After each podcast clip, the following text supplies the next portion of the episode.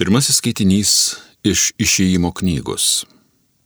Anomis dienomis atsikėlęs anksti rytą, Mozė pakilo kopti į Sinajaus kalną, nešinas dviem akmens lentelėmis, kaip jam viešpats buvo įsakęs.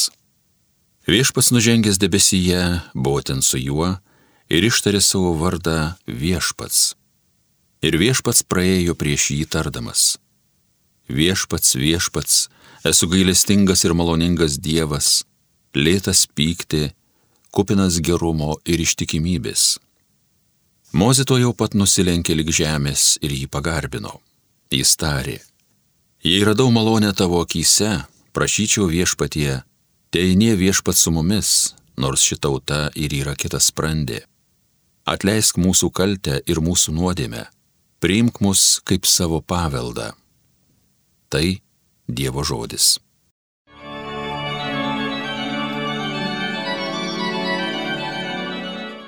Didžiai vertas garbės ir šlovės per amžius. Pašlovintas esi viešpatie mūsų tėvų Dieve, didžiai vertas garbės ir šlovės per amžius.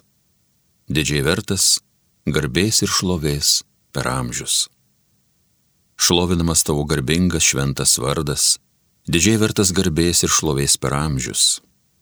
Didžiai vertas garbės ir šlovės per amžius Šlovinamas esi savo šventojoje garbės šventykloj, didžiai vertas garbės ir šlovės per amžius.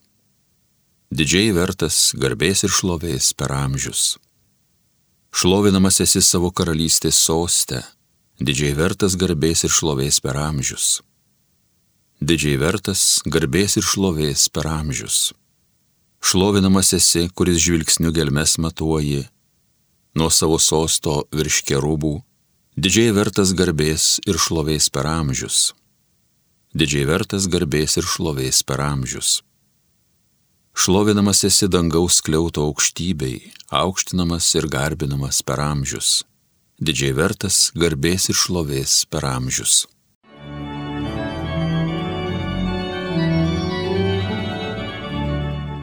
Antrasis skaitinys iš Šventojo Paštalo Pauliaus antrojo laiško korintiečiams.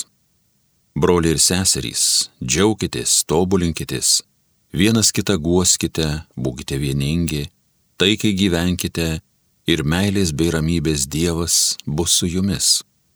Sveikinkite vieni kitus šventų pabučiavimu, jūs sveikina visi šventieji. Viešpaties Jėzaus Kristaus malonė, Dievo meilė ir šventosios dvasios bendrystė te būna su jumis visais. Tai Dievo žodis. Alleluja, alleluja, alleluja. Garbė tėvui ir sūnui ir šventai dvasiai, Dievui, kuris yra, kuris buvo ir kuris ateis.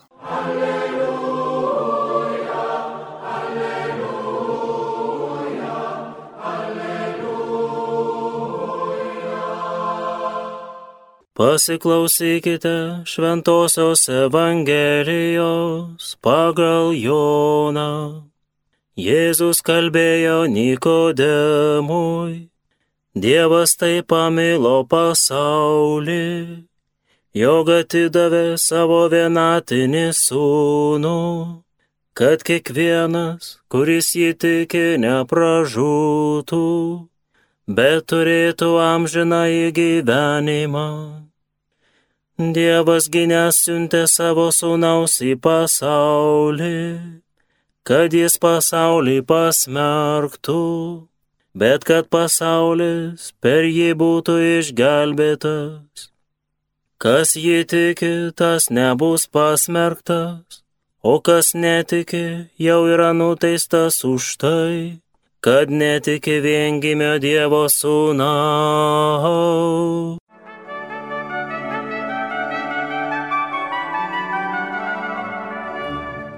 Mėly Marijos radio klausytojai, šiandien noriu visų jūsų paklausti, ar žinote, kad jūs nuolat bendraujate su švenčiausiaja trejybė? Gal nustebę klausite manęs, o kaip tai mes darome? Ogi tai darote žegnodamiesi, Juk visada sakome, vardan Dievo tėvo ir sunaus ir šventosios dvasios. Išvardiname visą švenčiausią trejybę. Ir tai darome labai dažnai, kiekvieną maldą pradėdami ir baigdami. O šiandien švenčiame ir tėvo dieną. Kaip nuostabu, kad švenčiausiai trejybė taip primena, jog už tėvus reikia melstis. Tad ir aš noriu jūsų paklausti, už ką daugiau reikia melstis? Už tėvą ar už motiną? Kad atsakytume į šį klausimą, pagalvokime, kas daugiau padaro nuodėmių, ar tėvas ar motina? O kas daugiau padaro nusikaltimų, ar tėvas ar motina? O kas dažniau šeimą palieka, vaikus? Ar tėvas ar motina? Juk atsakysit vienbalsiai, kad tėvai dažniau palieka. O mes dažniau melžiamės už motinas, už jų tą tokią gilę meilę. O už tėvus reikia daugiau melstis, kad ir jie taip spindėtų, degtų meilę. Žinoma, yra labai gerų tėvų, tvirtų tėvų. Pažinau vieną tėvą, dabar jau gana senas. Prieš karą jis pasistatė gražius triobesius. Išvežtas į Sibirą su mažais vaikais, ten vėl statėsi namus iš rastų. Su rūsiais net pasistatė. Dirbo miškuose, sugrįžęs vėl gražiausius namus. Pastatė ir gyvena juose. Ar nereikia Dievo prašyti visiems tėvams tokio tvirtumo? Net norisi, juk net norisi, kad tokie tėvai laimintų savo vaikus. Šventasis Tomas Moras, buvęs Anglijos kancleris, kasdien prieš darbą atsiklaupęs prašydavo tėvo palaiminimo. Ir tas jį padarė nepaprastai tvirtą. Kai iš jo buvo reikalaujama atsisakyti tikėjimo, jisai neatsisakė, net žuvo, nužudytas už tikėjimą. Justinas Marcinkevičius, mūsų didysis poetas, prisimena, kaip jo tėvas susodindavo visus vaikus, o jų net devyni, ir gėdodavo graudžius verksmus. Justinas tada dar skaityti nemokėjo, dar buvo mažytis, dar mokyklo neėjo, o iš atminties gėdojo. Būtent taip tėvas pagimdė jame poetą, tokiu elgesiu pagimdė. O tėvas buvo labai religingas. Aštuoni kilometrai nuo jų namų į Prienų bažnyčią, bet tėvas nepraleisdavo ne vieno sekmadienio. Net 80 metų sulaukęs, jis visada ateidavo į Prienų bažnyčią tuos 8 kilometrus. Ir plaukė poeto širdyje eilės tėvui, tikras paminklas. Tos kalvos švietė kaip bažnyčios sekmadienio spalvom švariom, kai tėvas eidavo basnirčias atšyvusiom jų keterom. Pasiraitojęs mio kelnes, jis amžinai ten atsiklaups ir melsis tam, kur styliai kelias iš grūdo darbo atkaklaus.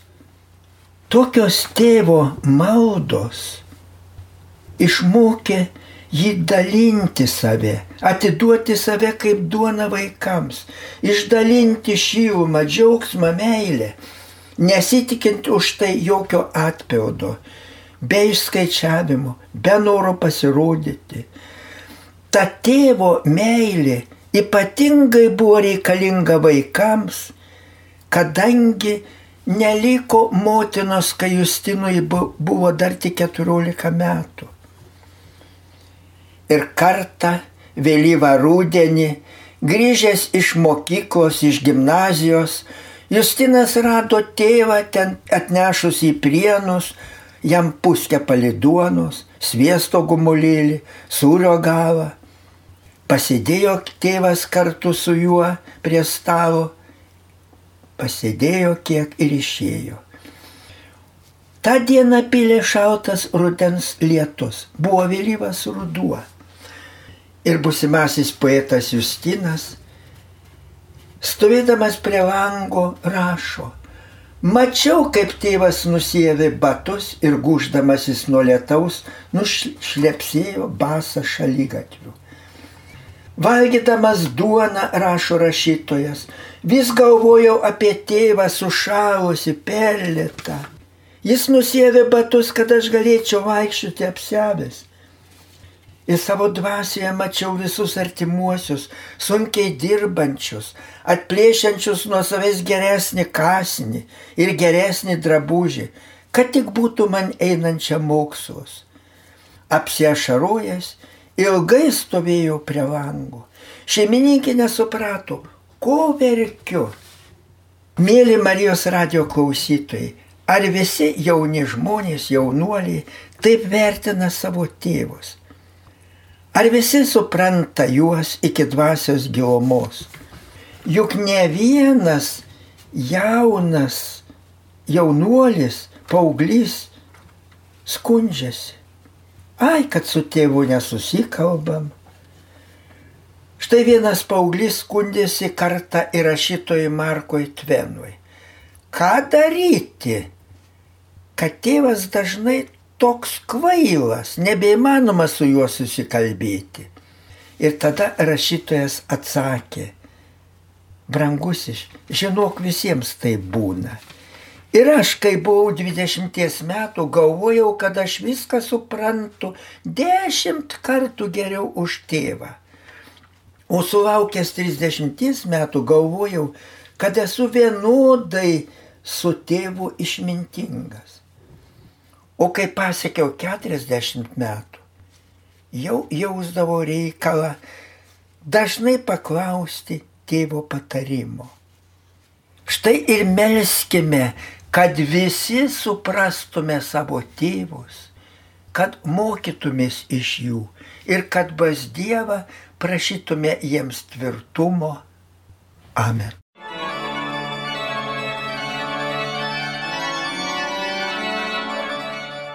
Homilyje sakė panevižio vyskupas emeritas Jonas Kauneckas.